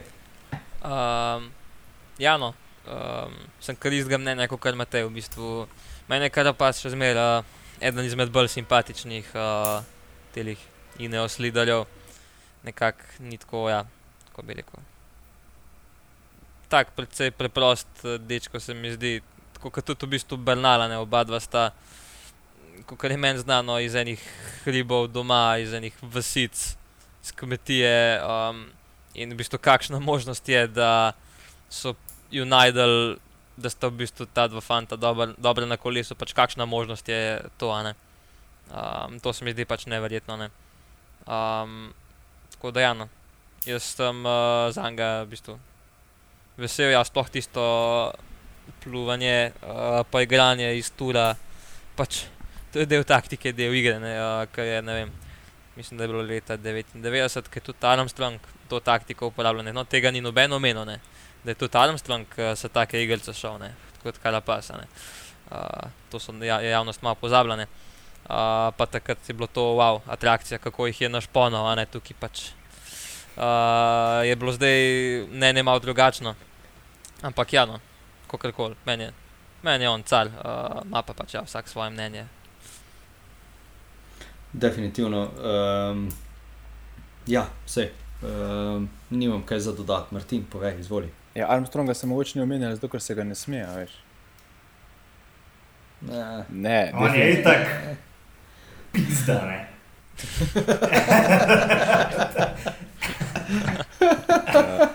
Ja, ne, definitivno. Mislim, sicer osebno mi ni najbolj simpatičen kolesar, ne vem, mogoče zato tudi, ker izhaja iz ekipe še prej, Movi Starja, ki ni meni najbolj pri srcu in nekako je res, da je uh, bil atraktiven kolesar, no, čeprav zdaj na, na, predvsem na letošnjem turu se to ni najbolj pokazalo, pa smo mogoče od njega pričakovali te, to temperamentnost, te skoke. Um, kar se tiče pa tega pluvanja, pa ja, ampak moramo vedeti, da pluvali so Tadeja, ker mu ni pustil zmagati v tisti etapi. In tako da pluvajo pravzaprav vsi povprek, po enem in po drugem. Tako da dan danes tako ali tako že več skoraj da lepih besed, razen po kakih veličastnih zmagah ni. Um, kar, se pa, kar se tiče pa te zmage, pa ja, popolnoma zaslužena. Ni, ni bilo mišljeno v tem smislu, večkrat smo že izpostavili, ni vedno kolesar, ki je najmočnejši, tisti, ki na koncu zmaga. Ampak Karapaz, glede na to, da je takrat v tistih 15 sekund, ko so ga že skoraj da ujeli, potem sam a, napadel in si privozil tisto razliko, je nekako to, to medaljo si, si krvavo zaslužil. In ja, uh, Ekvador je zagotovo uh, zelo ponosen na njega, tudi njemu to veliko pomeni, ker vemo, da so uh, pravzaprav vsi južnoameričani zelo navezani na svojo državo. In, uh, spomnim se, ko sem bil v Veroni leta 2019, je bilo v bistvu takrat res noro okrog um, ekipnega avtobu- avtobusa, ekipe Movistar. Uh, res veliko je južnoameričanov in ekvadorcev živi v Italiji in uh, tam je bilo res noro ljudi. Vem, vem, da jim to veliko pomeni in uh, še enkrat pač čestitke Karapazu za, to, za ta nastav. Definitivno. Zdaj, jaz bom malo skočil še z, z žensko dirko, da ne pozabimo omeniti, da se je super peljala tudi uh, Evgenija Bujak. Na 19. mestu je zaključila uh, dirko in mislim, da s tem uh, izboljšala, uh, izboljšala uh, rezultat uh, Polone Batagel, Blaž Mikima, tako da očitno govorim pravilne stvari, ne tako kot na zadnje, ko sem nekaj flancal tam v Velobaru. Uh, tako da, ja, Blaž, izvoli, povej. Uh, oj, kaj sem hotel že povedati. A ja, uh, točno. Uh, ja, no, v bistvu en moment je bilo pa mene strah, um, ker sta v bistvu Karapaz pa Maknalti tako kar složno uh, vozila pa bežala zadnji zledovalcem. Sem se bal tistega scenarija iz Londona, ne, ker mislim, da se ga vsi zelo dobro spomnimo, ker sta se vinokuro pa uran uh, zmenila. Uh, kdo bo zmagal, in je pol tako nekako butasto uran, kao pogledal nazaj, in mu je tam takrat vinokuro skočil, in je pol, o, nisem ga videl, a ne. O, te, tega, to, res sem upal, da tega ne bomo videli, no, ker uh, bi bilo, bi bilo dosti bedno, ne, in uh, ja. Na en po eni strani ja, je v redu, da ga je stresil, pa da nismo rabili tega gledati. Jaz sem občutek, da se to danes sploh ne more več zgoditi. Te, te, ne vem, se mi zdi, da je včasih bil, kolesarstvo bolj um,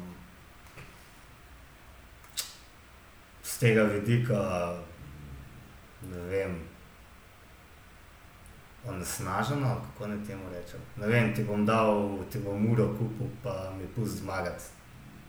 Občutek, da tega ni danes več, da se vsi želijo tako zmagati, da, da je to čisto en drug nivo. in Tega sem vesel. no. Ja, ravno danes sem gledal dokumentarec na Netflixu, uh, katerega naslov sem definitivno zdaj pozabil, brez problema. Uh, gre pa za tur leta 2004, ko je Bjorn Ries uh, imel svojo ekipo CSC, uh, kjer je ja, Ivanu Basu uh, zbolela mama za, za, za rakom. Um, in je potem uh, v bistvu v medturom se pogovarjal z Lensom Armstrongom uh, o kemoterapijah in vsem, in je definitivno. Oziroma, in mu je potem rekel uh, Lens, da bo pa že vrnil ne, ko jo bo on potreboval. In je potem zdaj. Ne vemo točno, ne? oziroma eh, dokumentarec ne da točnih eh, pogledov oziroma insightov, ampak potem na kronometru eh, Ivan Baso ni, ni mogel pedalirati s takšno močjo in ga je v bistvu dohitel uh, Lance Armstrong. Tako da, ja, zelo zanimiva stvar.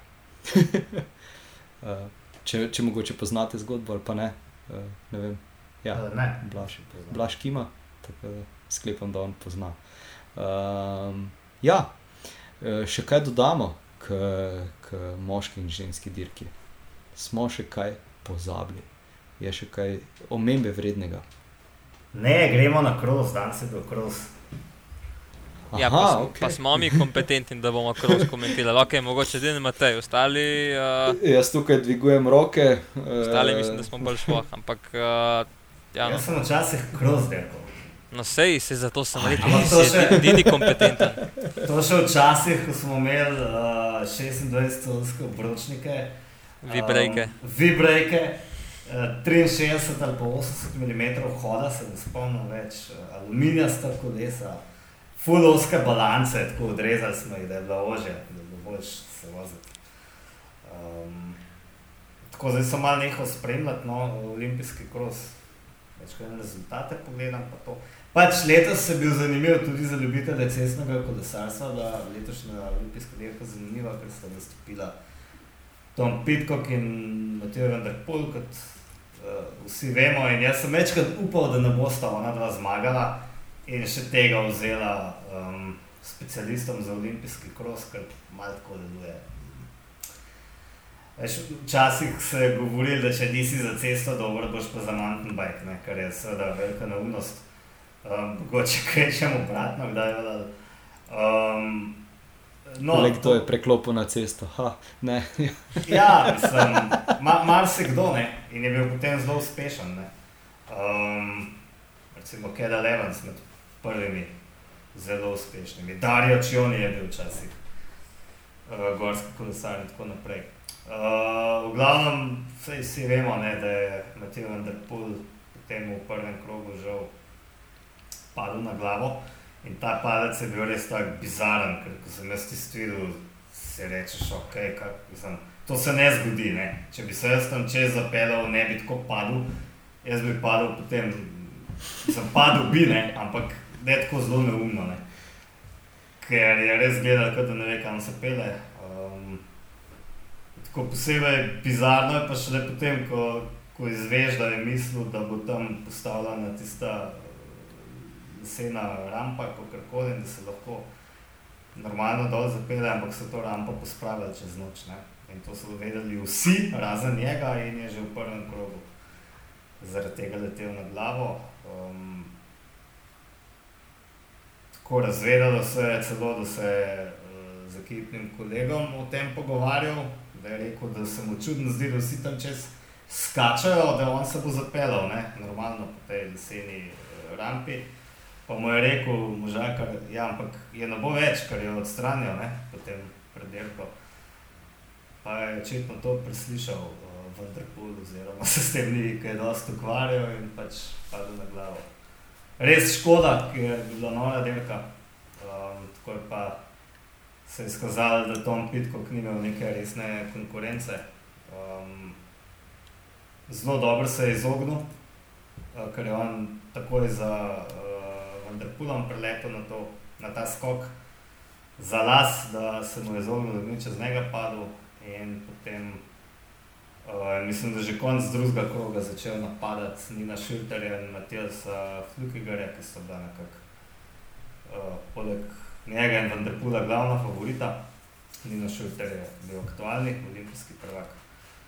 Napadal v drugem krogu, v tretjem krogu, še dvakrat uh, na klance, ga nisem mogel držati tem kar zasluženo zmago, ključno je bilo to, da je Matijas Flukegar potem enkrat sestopil na enem od strmih usponov in takrat se mu je dokončno odpeljal Tom Pitcock in zdaj bojo vsi rekli, da pač, če nisi dober za cesto, greš pa na mountain bike. Čeprav seveda vemo, da Tom Pitcock izhaja v bistvu iz mountain bike in ciklokrosa, um, oziroma vse tri discipline skupaj s cestnim kolesarstvom.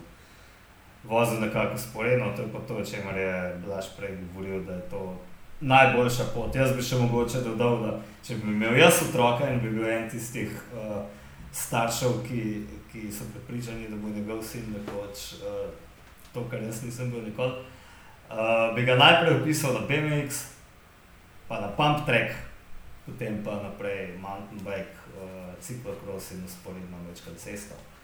Se mi zdi, da je to recept za uspeh. Mladi očetje, ki mislite, da ste uh, zaplodili novega pogačaja, mogoče je to prava pot. pa ne preveč na delkah upit na nje.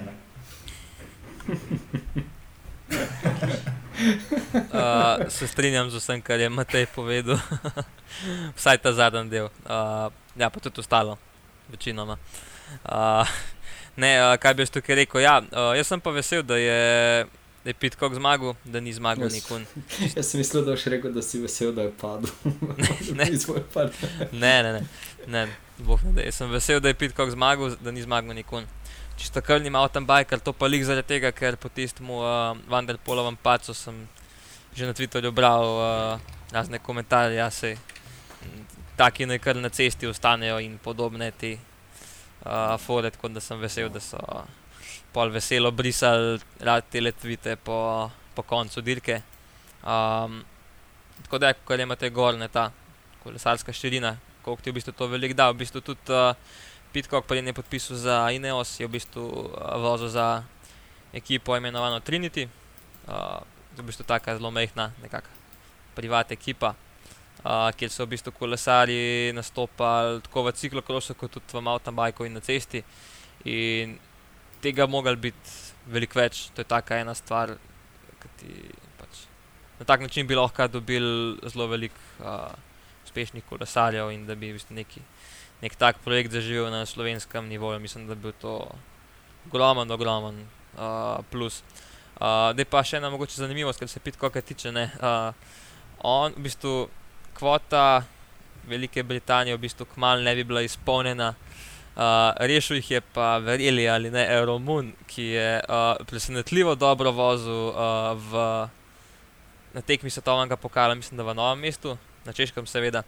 Uh, in je s tem odbil uh, točke eni drugi državi, da je imela v bistvu Velika Britanija tisto minimalno število točk, da je lahko enega kolesarja poslala na olimpijske igre in ta kolesar je bil v bistvu zdajšnji olimpijski zmagovalec, da je še en tak v bistvu splet okoliščin uh, neverjeten, ki se lahko zgodi samo na olimpijskih igrah. Proste, lahko še to dodam, da vmes je pa Pitcock zlomil ključnico. Ne, uh, ne vem točno, da je bilo to na začetku poletja.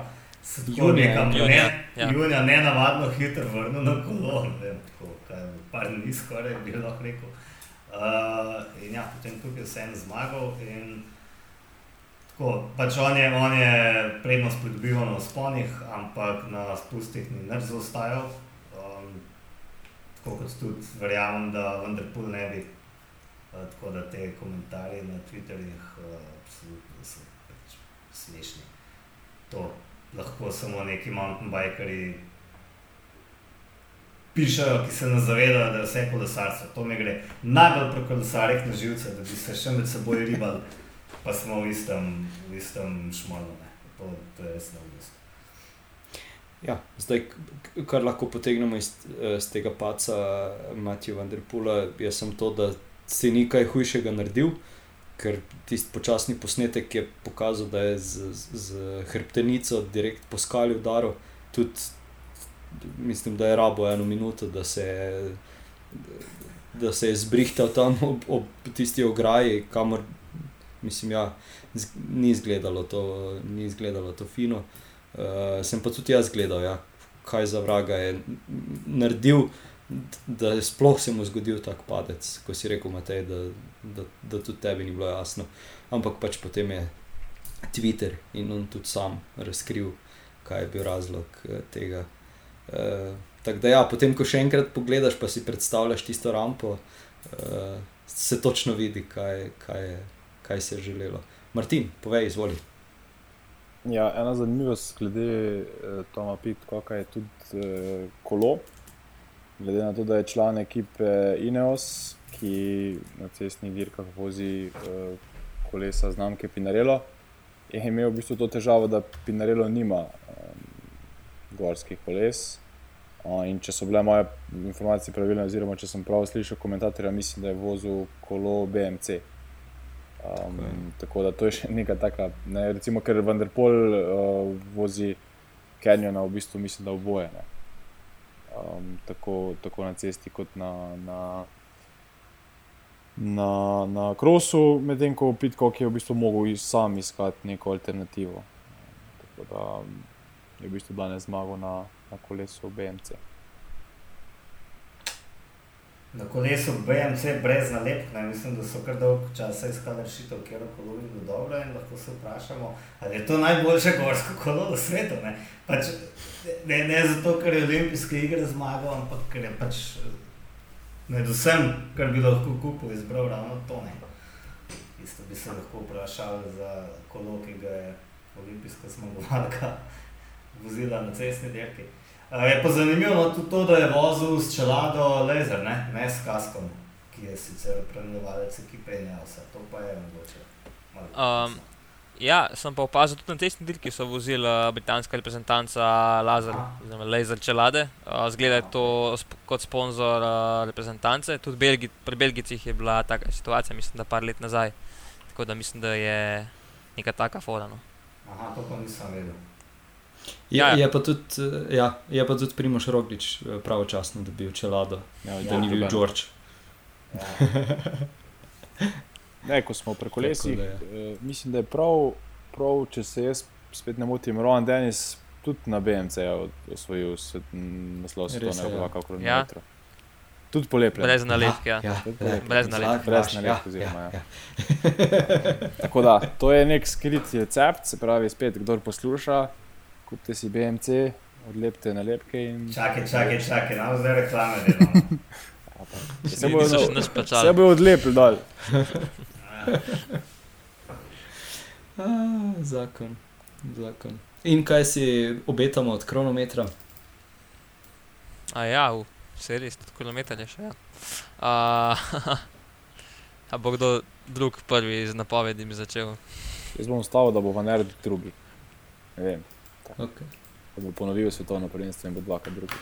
Jaz bom sam ponovil šalo, ki sem jo danes prebral, tako da si, si ne pripisujem pravic. Eh, sem da naj nekdo Tom Dumolenu pove, da sta dva kroga na kronometru, da se ne bo zgodila kakšna, kakšna eh, farsa spet, kako bi to poimenoval. Eh, drugače pa ja, nekako čeprav smo prej govorili o vsem tem, ne vidim Gane kot zmagovalca kronometra uh, zaradi profila. Ne vem pa tudi, če, če bi upal staviti na Vanarta. Tako. To, to bo moja butasta napoved, ki nič ne pove, pa vsega se rešim. uh, ja, jaz bi pa, um, mislim, Za Roland Lenisa bi bilo dobro, če bi zmagal, ker uh, se spomniš en dan pred cestno dirko, da ti pač ne boš vozil iz kakršnih koli razlogov cestne dirke, da se boš bolj pripravil za kronometer. Um, je bolj za njega, da zmaga, ker drugače bi ga kot športni direktor poslal v tri PM. Uh, tako da je. Uh, upam, da, upam, da bo on zmagal, tudi uh, pripravljal se je, po mojih informacijah, uh, v zadnjem obdobju, kar precej specifično samo za to preizkušnjo, tako da uh, jaz bi ga vsaj v boj za medalje uvrščal 100%, če mu ne bo spet kakšna balanca dol zlezla, kot je bilo v Riu. Um, mislim, da bi lahko bil tam nekje zraven. Okay. Matej.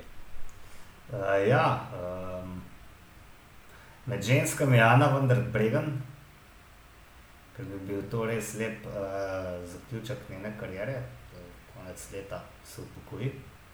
Najbolj bo še kaj dirkala do takrat, ampak to, s tem naslovom bi lepo zaključila.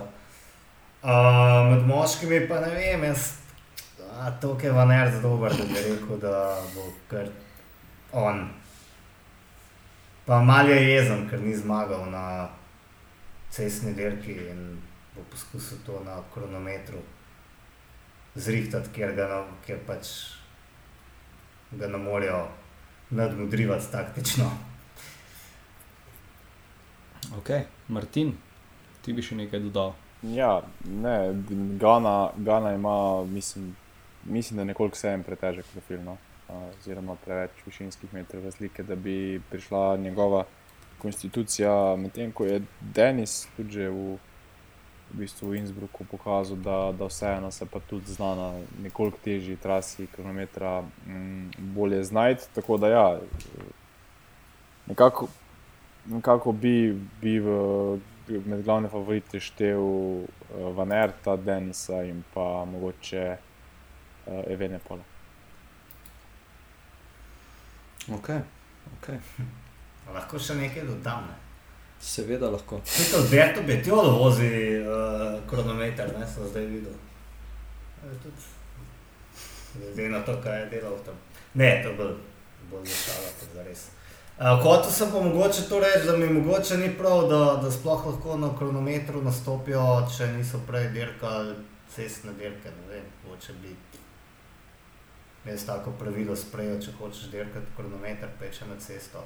Sem se na Še svetovnem to idejo jim daj, da se bo rojen z vsemi skregal. Ja, ne, to pač uh, UCI določijo, oziroma olimpijski vem, komitej, ali saj kdorkoli že, ne, ne, da se potem nekaj zmišljujejo. ne. Že tako mora reveš na vsake dve leti, ki pomeni, da ga boš pa še čez reprezentanco uničil. Ja, ne, ne, sploh ne, ampak pač ne dirka v boje, ne, če lahko Iranec eh, Safar Zadek Said, ne vem, zakaj ne bi še on. Ne. Ej, šel se sem si pogledat, vseh, ne, če, no se zadnje, šel sem si pogledat tiste šprinte uh, tasmanskega, vr, kako, ali kako se je že bil poimenovan Matej. Teror, Eh, pa je. A ja, Taškan teror, Ta Abdul Jabbarov. O, šit, o, šit, kaj pa je to bilo, ne? Skratka, ja, govorimo o ne, eh, devetkratnem zmagovalcu šprintov na turu, ne. Če se Kako še je niste samega ogledali teh sebe pokosil. Ja. Kako je samega sebe pokusil, fuk, oj, oj, oj. Ja, on je bil samo vsep navaden, ne, pa pa še vse Res, ja. Kot vihar je šel. zakon, zakon. Ja, kul, cool, super. Um, bo, bom še enkrat postavil to vprašanje, torej smo še kaj pozabili, imamo še kaj za omeniti, uh, je še kaj takega vrednega omembe, pa smo pozabili reči. Ej, zakaj pa ni noben Rogliča izbral za uh, potencialnega zmagovalca kronometra? Kaj, kaj pa to? Jaz se zaradi teh krčev bojim, da, da kljub temu, da gre za kronometer, ampak gre za zajeban kronometer. Ne? Pa nočemo uničiti še to, no, že tako je imel dosti smole, ne bomo zdaj še pritiska. Zdaj vsi vemo, kako smo mi s tem napovedmi. Zdaj, ko zberemo, se Ja, lej. bo verjetno skaj glavne. Ja, tri, tri konkurente smo mu že losali. Saj na zato, ne. primeru, tako da- smo se zdaj kar dobro lotili. Ja, ne, to, to je res, ampak da vem, jaz čist ga ne bi izključil, mogoče, ker se to zelo želim. Um, Ja. Vem, sem te krče, ja, ampak po mojem je to tudi posledica tega, da ni več derko, ne zadnje dni. Ja. ja na turu je derko, ampak zadnje tri dni bolj tako, tako ne, v tistih bolečinah. Videli smo pa, da je prvih osem uh, uvrščenih, ne sprav, najboljših osem na cestni dirki dokončali tur in to v vidnih vlogah, ne kar neki. In nisem pogledal, koliko tistih, ki, je, ki so bili pred njim, ne, je dokončali tur, oziroma vsaj dirkali tam. No, mogoče, mo, mogoče je bila težava enostavno to, da, da, da so mu manjkali neki tekmovalni kilometri, da je bil tam na licu mesta večkrat šokiran nad hitrostjo, s katero se pač fanti pelajo. Um, ne vem, še vedno to si želim, no, da bi ta, to, ta kronometer dobro uspel. m, m, naj, mislim, sklepam, da si tako vsi želimo to. Ja, Ampak ja, um, uh, ampak pač to, da je, da, da je mogel spustiti peloton, se ustaviti, pa raztegniti, pa potem dalje, ne, uh, ponovno uloviti. Pač, zajeb, očitno, je- očitno je malenkost bolj za, zajebana ta poškodba kot. Uh, uh, ali kaj? Ne vem. Ne No, vem kaj to je lahko tudi je- pač, to se pač lahko tudi zgodi, ne vem, da je imel težava na točno ta določen dan. Upra, ja, tukaj krči so bili lahko zdaj, ja, lahko so bili zaradi te poškodbe, lahko so bili pa tudi zaradi enih čist drugih dejavnikov, med drugim je sama vlaga, ne, ki je, mislim, da kar je neparim kolesarjem zančo ni šla dan. Um, je pa res po drugi strani, da do kilometra bi se pa nekako mogli že vsi aklimatizirati na, na tako podnebje, tako da um, lahko se pa vse še obrne, nekako v nekih ugodnih okoliščinah ima tudi Roglič uh, možnosti za medaljo, um, bi jaz rekel. Um, čeprav je nekega, neko bi rekel temu, ni pokazal toliko na cestni dirki, ne kot smo mogoče od njega pričakovali, ampak um, mislim, da motiviran je tako, kot ni bil še nikoli. Tako da če mu se mu že na turu ni šlo, uh, se mu pa vsaj na kilometra. Definitivno. Kar sem še želel uh, izpostaviti danes, je, da me je Ana Kisenhofer zelo spominjala na Dan Martina, tam v zaključenih kilometrih. Mislim, da je od njega kopirala stil. Uh, pa še eno stvar sem želel povedati, ki sem jo seveda v trenutku pozabil, kar se mi, kar se mi očitno v zadnjem času dogaja. Uh, Pa nisem imel COVID-a, da bi izgubil spomin oziroma imel težave s tem. Uh, tako da, če še ima kdo kaj zapovedati, pa se jaz poskusim vmes spomniti, kaj so bile moje misli. Ja, bomo vsi tiho, ok. Uh, Le, to pomaga, če si pozabil, si pozabil. ne. Mogoče Ja, ja, hotel ja. povedati, kako imamo vsi lepe majice. Ne, recimo. Ja, a, ne, Ja. želel sem povedati to, če bomo kaj eh, spošimfali drese eh, teh eh, reprezentanc, zaradi tega, ker eni so res upupni. Porosojne majčke od Ja, Italijanov. avstralski so nagnusni, ne, avstralski so nagnusni. ja, ampak mislim, vse te bare imajo avstralci že skozi nekako. Ja. Okay, nikoli, nikoli, res, da nikoli niso bile prav lepe, ampak pač. Tok, taki pač so. Ne, meni so bili belgijski dobri, meni je bil ta BioRacer, tak mrežast tuzolc. Tudi nizozemci mislim, da so ga imeli. Meni, je bil, meni so bili te všeč. Se strinjam, tudi Ja. slovenski tokrat niso tako slabi, če me vprašaš, kar razpoznavni. in tako. Uh, ja, mogoče, mogoče ja, iz, iz vidika, kako bi rekel temu, slanja pač. Tistega, ki deli bidone, lahko rečem, da so ti ti novi dresi mogoče vse en večkrat manj opazni, kot tisti ta stari, uh, tisti beli zeleni, ki so bili vse nekako bolj vidni. Sploh kako kolesari preletijo 50 na uro, in ti boš pa opaziti svojega, pa mi mu bidon dati. Uh, so tisti nekako večkrat bolj izstopali, kot te, ki so zdaj, ampak um, mislim, da se jih bom tudi jaz, ker naslednjič delim bidone, je že navado počasi. Kateri svanjuje skoraj eh, tam eh, No. eh, v tisti, v tisti kompresijski zoni, ali kako bi tisto poimenoval med ograjami, skoraj zbil vse skupaj. Kaj je bilo tisto, tisto je izgledalo zelo, zelo nevarno. Shit, se spomnite tega? Ja, Matej, seveda vidim, da se- saj To, na tega nisem mogel zgrešiti. Uh, ne vem, kaj je bil Ampak za en ne Sploh ne vem več, komu je kaj bil en. bidon podal. Ja, tudi, tudi jaz. Ne. Mislim, da je bilo kar opazno, da so tam pač določene reprezentance, ki običajno ne dirkajo na takem nivoju, ne pač določeni kolesarji. Jaz sem pravilno napovedal en dan prej, da bo bežal nekdo iz Burkina Fasa. Bravo. In je. Upam, da si uplačal listek. Ja, to pa nisem. Ne. Pol, Sem se pol, pol, da nima vrednosti, če to Sem kleni. se Ja, pa hvala, hvalil da se boljši moraš na polovici, sem se pa boljši polovici hvalil, sem rekel, evo, sem Ja, ja. ti rekel, ne.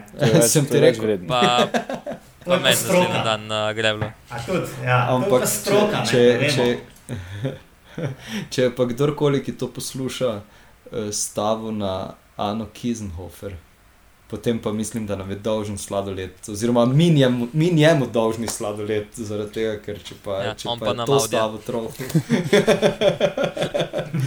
to je pa najbrž eh, res eh, ena proti milijon. a, a smo zdaj pripravljeni za trivijo vprašanja? Ja, kot vedno. Evo, A, no, Blaž, pa ti pa kar izvoli. A, ok, Matej, povej, povej. Kako dolg je bil najdaljši uh, posamični kronometer na olimpijskih igrah? Tako približno, ne povejte, pa bomo videli, kje je bil najbližje. Uh, 80. jaz bom re- 60. Mhm. 76. Ja. Martin? 60, 60. Uh, daleč od uh, resnice. Uh, najdaljši je bil dolg 320 km. Kronometer. Uh, ta neumnost se je dogajala leta 1912. Kaj se Ko je Rudolf Lewis uh, dirkal je za takratno Južno Afriko, ki je bila ne vem, na pol Velika Britanija, kako koli. Uh, dirkal je pa 10 ur, 42 minut in 39 sekund. Tako kar noro. Um, uvrščenih je bilo 94 tekmovalcev, zadnji od uvrščenih je bil francos Mišije, ki je dirkal 4 ure in pol več kot on. Uh, 15 ur in 15 minut. Uh, ta, te, te neumnosti, se pravi, nikoli več tako dolga, mislim, da so bili potem precej krajši, tam okoli 100-150 km. Uh, so se šli do olimpijskih iger leta 1932 v Los Angelesu, takrat je bil dolg točno 100 km, ali tam nekje. Uh, potem so pa to disciplino ukinili uh, in se dirkali. v- A bejš. Ja. Potem so ugotovili, da je bilo bolj, če na tako razdaljo dajo štiri kolesarje. In je bila to ta, uh, kot nekateri pravijo, najtežja disciplina v cestnem kolesarstvu, se pravi ekipni kronometer na 100 km, ki se ga je vozil tam cirka dve uri. Uh, potem so pa celo zadevo, um, se na ta način dirkali in šele od leta 96 je potem kronometer, tak kot ga poznamo danes in ko mu rečemo ura resnice. Ne? Takrat so pač dolgi tam cirka eno uro in ne več 10 ur ali pa 4 ure, kot teh še resnih časov. Noro. Noro. Ja, mislim, Ok. okay. da je bil kri, tale, Kristof Strasser, Avstric, uh, ultrakolesar, ki je podaril rekord na 24 ur, nekaj 1000 km je naredil, da bi bil Ja. z take razdalje kar primeren. ne. Uh, ja, je po eni strani je pa malo škoda, ker te ekipne vožnje malo uh, to ne opozabo, nek, uh, so bile en tak kar zanimiv element, recimo na teh trotenskih dirkah, zdaj pa v bistvu skoraj ne vidimo več. Nekaj se šušlja o turu dva- dva- 2022, ne? da bi naj se vrnilo tole. Samo pa pa 100 ima ta- km dolg. ne.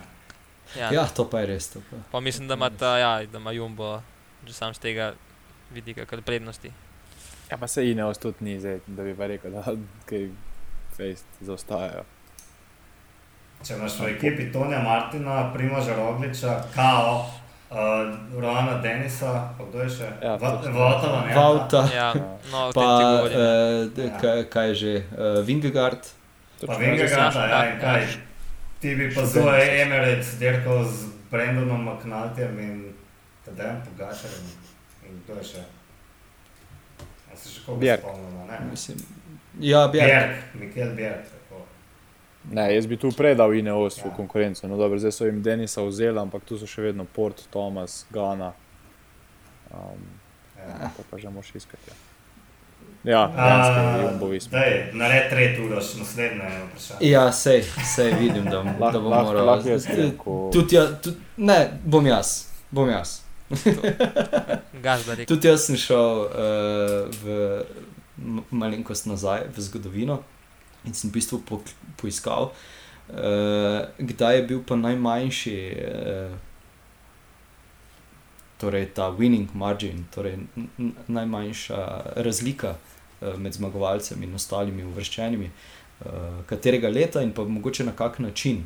Uh, zdaj pa, ker je to bilo že kar nekaj časa nazaj, bom enako kot Matej vam rekel, da rečete neke letnice, potem pa jaz razložim, razen če kdo ve odgovor. A govorimo o olimpijskih igrah? Ja, ja, o olimpijskih igrah, ja. Pardon, to sem pozabil povedati, se oprečujem. O čem bi pa? Če hočeš reči, da nikdar ni bilo šprinta. Ja, to bi zdaj, to bi bilo moje vprašanje. Ja, ja, bil je sprint, bil To je sprint. Misliš razdaljo v centimetrih ali kako? Uh, zdaj tega podatka sicer nimam, ampak. A, zapravi, Uh, bil je sprint ampak za ja, katerega leta. uh, Zdaj je tako bom. um, Nekaj leta nobene bo zdel. pač v bistvu zlato je bilo določeno na tisočinke sekunde. Tako, A, bom se rekel. pravi, so žrebali kovan. Ja, takrat še ni bilo finiša, ne verjamem, da ne. Tako je. Ja. Zdaj pa katerega leta? Ja, ne vem. Neki. Ne vem, Pred, neki Po drugi- 30. pred 1950. Po drugi svetovni vojni, Aha. tako bom rekel. Ne vem, tam pa, pa 1955, ne vem, na- na- kdaj so olimpijske bile takrat. 76. V katerih letnicah? Šest- š- Ja, Ok, Matej. Nekaj reči. 76. Ok, 1964. Uh, v bistvu je bilo tako, da je trasa bila sestavljena takšna, da je bila skoraj kot palačinka, samo en kratek klanček je bil uh, v, dolži, v, pač v višinske razlike 65 metrov. Uh, in v bistvu se ni zgodilo pobega, nič. Prišlo je na cilj 51 kolesarjev na ciljno črto, ki so šprintali med seboj. Uh, tako da, ja, ah, vidim pa, da sem pozabil tisto glavno stvar si zapisati, torej, kdo je bil zmagovalec. Tega ne morem povedati, ampak ja, uh, 51, uh, zdaj če si predstavljamo letošnje olimpijske igre, da bi jih 51 prišlo na ciljno črto, uh, kjer bi vsi med seboj šprintali. Uh, ja, zelo zanimivo. Mario, Mario je zmagal, če te zanima. aha. ah, ok, bravo, Marijo. Ne, sem, ho sem hotel reči, da je ena fora, uh, kdo je letos zmagal tur. Ne vem, sam vem, da je bil full dober, full, res full bil dober. ja, ja, ja, to, to, to. Uh, jaz sem lahko zdaj jaz. ja, seveda. Um, ja, no, jaz imam tako, uh, ne vem, kako bi temu rekel. To zna, kakšen Matej ve, da to on, koliko včeraj sem ga zafrkal, da on ima te uh, zgodovinske izpade na vsake tok cajt, gremo na te gravel ture, pa pol začne tam v kakšnem gradu razlagati, iz katerega stoletja je bil, uh, kdaj je bil zgrajen, kdo je tam živel, take fore. um, ja, mogoče kdo ve, kdo je bil prvi slovenc na olimpijskih igrah. Uh, pač slovenc, ki je zastopal uh, bivše države. Pa kdaj je bilo to? Ok, da imamo pol vsaj, kdaj je bilo to, no. Če se gremo že neke letence.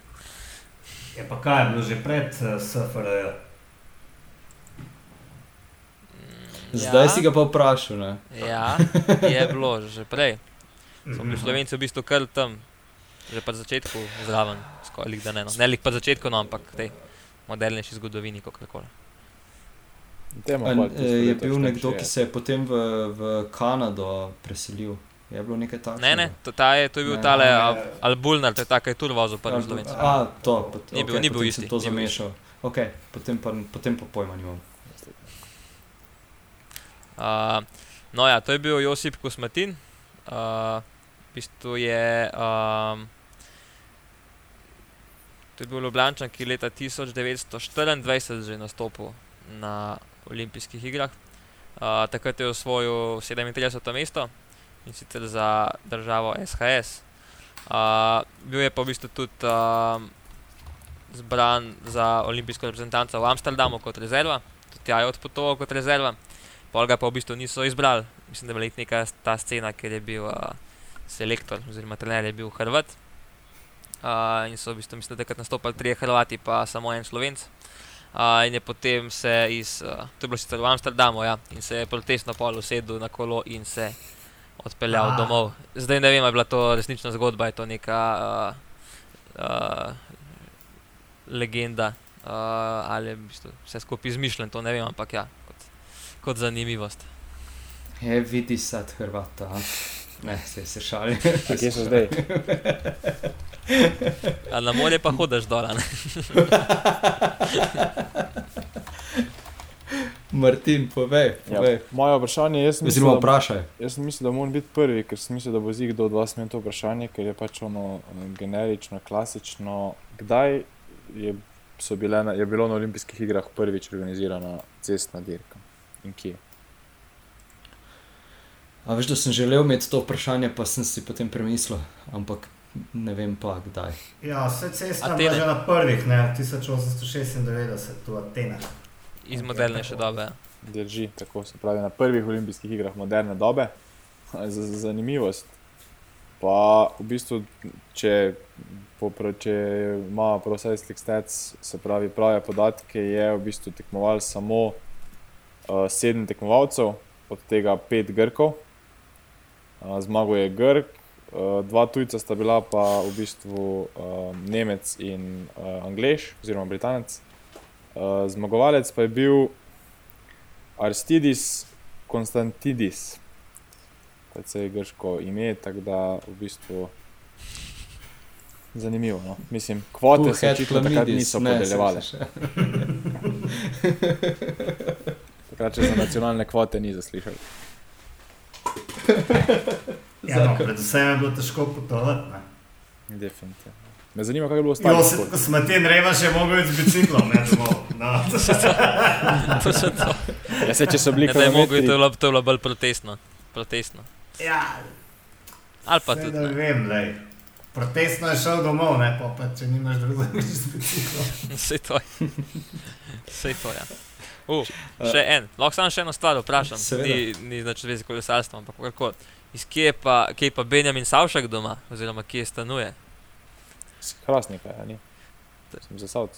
Ne, to je pa v najlepši, v najlepši vasi na svetu, uh, s slabim internetom, kjer je doma tudi Primoš Roglič in, A, in tudi moja malenkost. Ja, Kaj, kakšno zagorje, Mislim, zgornje gameljne. Zgornje gameljne. zdaj ja. Sam, Aha, ist, isto slab je internet, dobro, da je. eh, Drugač pa dobro, da je zdaj omenil. On je internet, da je slab internet. ne.